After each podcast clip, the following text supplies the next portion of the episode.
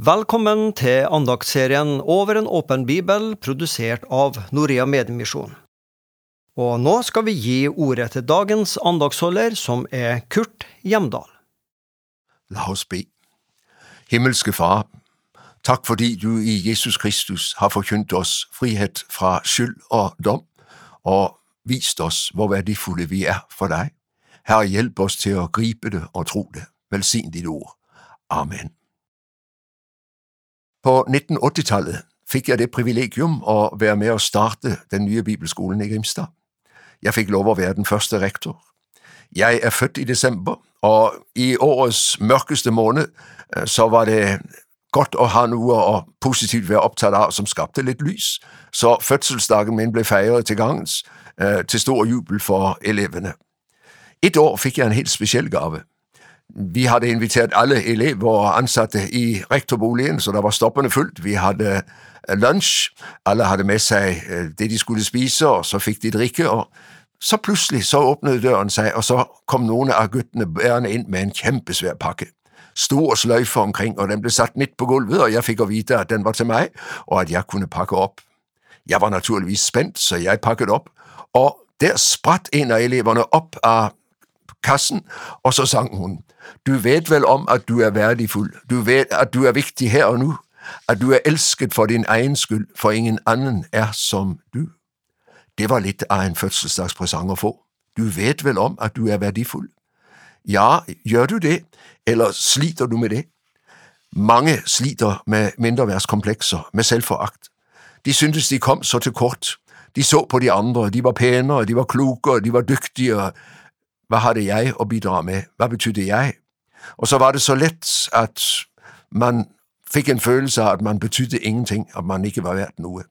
Hvis du så i tilfælde havde været mobbeoffer for skolen, ja, så blev bare den oplevelsen forstærket mange gange.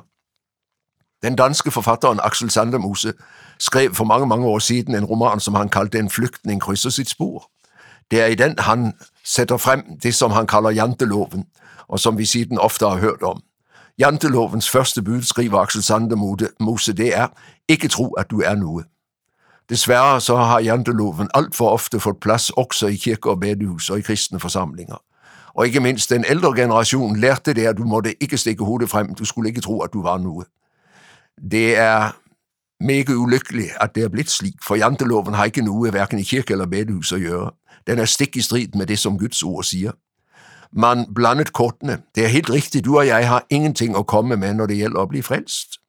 Men det er ikke sant at vi ikke er noe, for det var det som ofte ble følgen. Man fik selvudslettelsen som et ideal. Det er ikke kristelig. Og det stemmer ikke med det Guds ord sier. Hør bare hvad apostlen Paulus skriver i 1. Korinterbrev kapittel 15 vers 10. Av Guds nåde er jeg det jeg er, og Hans nåde mot meg har ikke vært forgjeves for jeg har arbejdet mer end alle de andre, dog ikke jeg, men Guds nåde som har været med mig. Kan du tænke dig? for en frimodighet!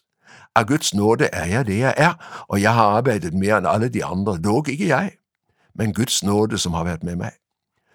Paulus har en herlig blanding av ydmyghed og selvbevidsthed. Han vet at han er den største av alle syndere, den minste av apostlen og den mindste av de hellige, men han vet også at han av Guds nåde er noget. Gud har gjort ham til apostel, han har fått en utrolig myndighet, og han utfolder den i brevene sine. Han er så visst ikke ingenting. Og det samme gjelder deg og meg. Af Guds nåde er du det du er, min venn. Gud har skapt deg med evner og krefter, med tid og muligheter. Han har nyskabt deg i Kristus ved Den hellige ånd og skjenker deg nådegaver og visker det til deg, du vet vel om at du er verdifull, at du er viktig her og nå at du er elsket for din egen skyld, for ingen anden er som du. Min ven, du er en herlig original fra Guds hånd, og du er så dyrebar at han er stikket ned fra himlen, er blevet menneske og har gått til korset for din skyld. Og hvad siger korset? Korset sier Gud har ikke råd til at undvære dig. Han er parat til det ytterste offer for at lukke dig ind i sin barneflok og for at dele fællesskab med dig. Gud kan ikke tænke sig evigheten uden dig. Ja, men jeg er vel ikke nu at være sammen med, så altfor grå og kjedelig. Det er ikke sandt.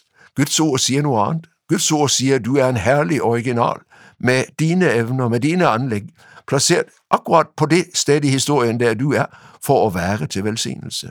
Du vet vel om at du er værdifuld. Men venn, jeg har lyst til at understreke det for dig i dag. Lad det bli en sætning, du ofte gentager for dig selv. Av Guds nåde er jeg det jeg er. Du er nu. Du kan nu. og Gud vil bruge dig. Ikke bare vil han frelse dig og ha deg i sin nærhet, men han vil til og med bruke deg med det han har utrustet deg med av både evner og gaver og nådegaver. Han vil bruke deg til velsignelse for de mennesker du ferdes sammen med, og han har brukt deg. Du har levet langt eller kort, men du har ikke levet uten at du har betydd noe for dem du ferdes sammen med.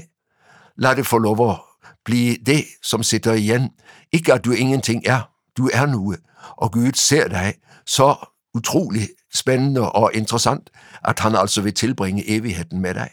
Der må det være nu med dig. og det er det naturligvis. Gud skaber ikke på måfå. Han har skabt dig til sig, og han har skabt dig, fordi han ønsker at gøre det ut av dig, som han har sett muligt. Derfor, til dig, som sliter med selvbilledet, ikke hør på djævlen, når han siger, du er ingenting.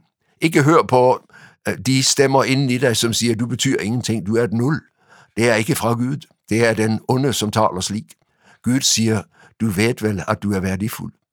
Det skal du la få lov at stå igen, slik at det er det som præger din selvbevidsthed og din selverkendelse. Jeg er nu for Jesus skyld. Nej, jeg har ikke noget at rose mig af, for alt er gave, alt er nåde. Men så lad dig Gud få anerkendelse for den nåden han har skænket dig, ved at du våger å tro at han virkelig har givet dig nu, at han virkelig vil bruge dig, og at du i hans øjne er værdifuld. Slik taler det hellige evangelium, slik taler Den hellige ånd. Det er han som sier du er værdifuld. det er ikke noget, jeg har fundet på. Derfor ta det med dig ud i dagen i dag, og syng det gerne for dig selv. Du vet vel om at du er værdifuld, at du er viktig her og nu, at du er elsket for din egen skyld, for ingen anden er som du. Ha en god dag med den vidshed. jeg betyder nu, at Gud vil bruge mig. og lad ham så få lov til det i dag i stedet for at se ind over i dig selv, se utover hvem kan jeg tjene, hvem kan jeg være nu for i dag? Og så venter helt sikkert nogle opgaver på dig, hvor det kan få lov at bekræftes. Du er værdifuld. og du er det før du har gjort noget som helst, fordi du er skabt af Gud og fordi du er elsket af Gud. Ha en god dag, min ven. Amen. Du har akkurat hørt en andakt i serien Over en åpen bibel. Og det var Kurt Hjemdal som var dagens andaktsholder.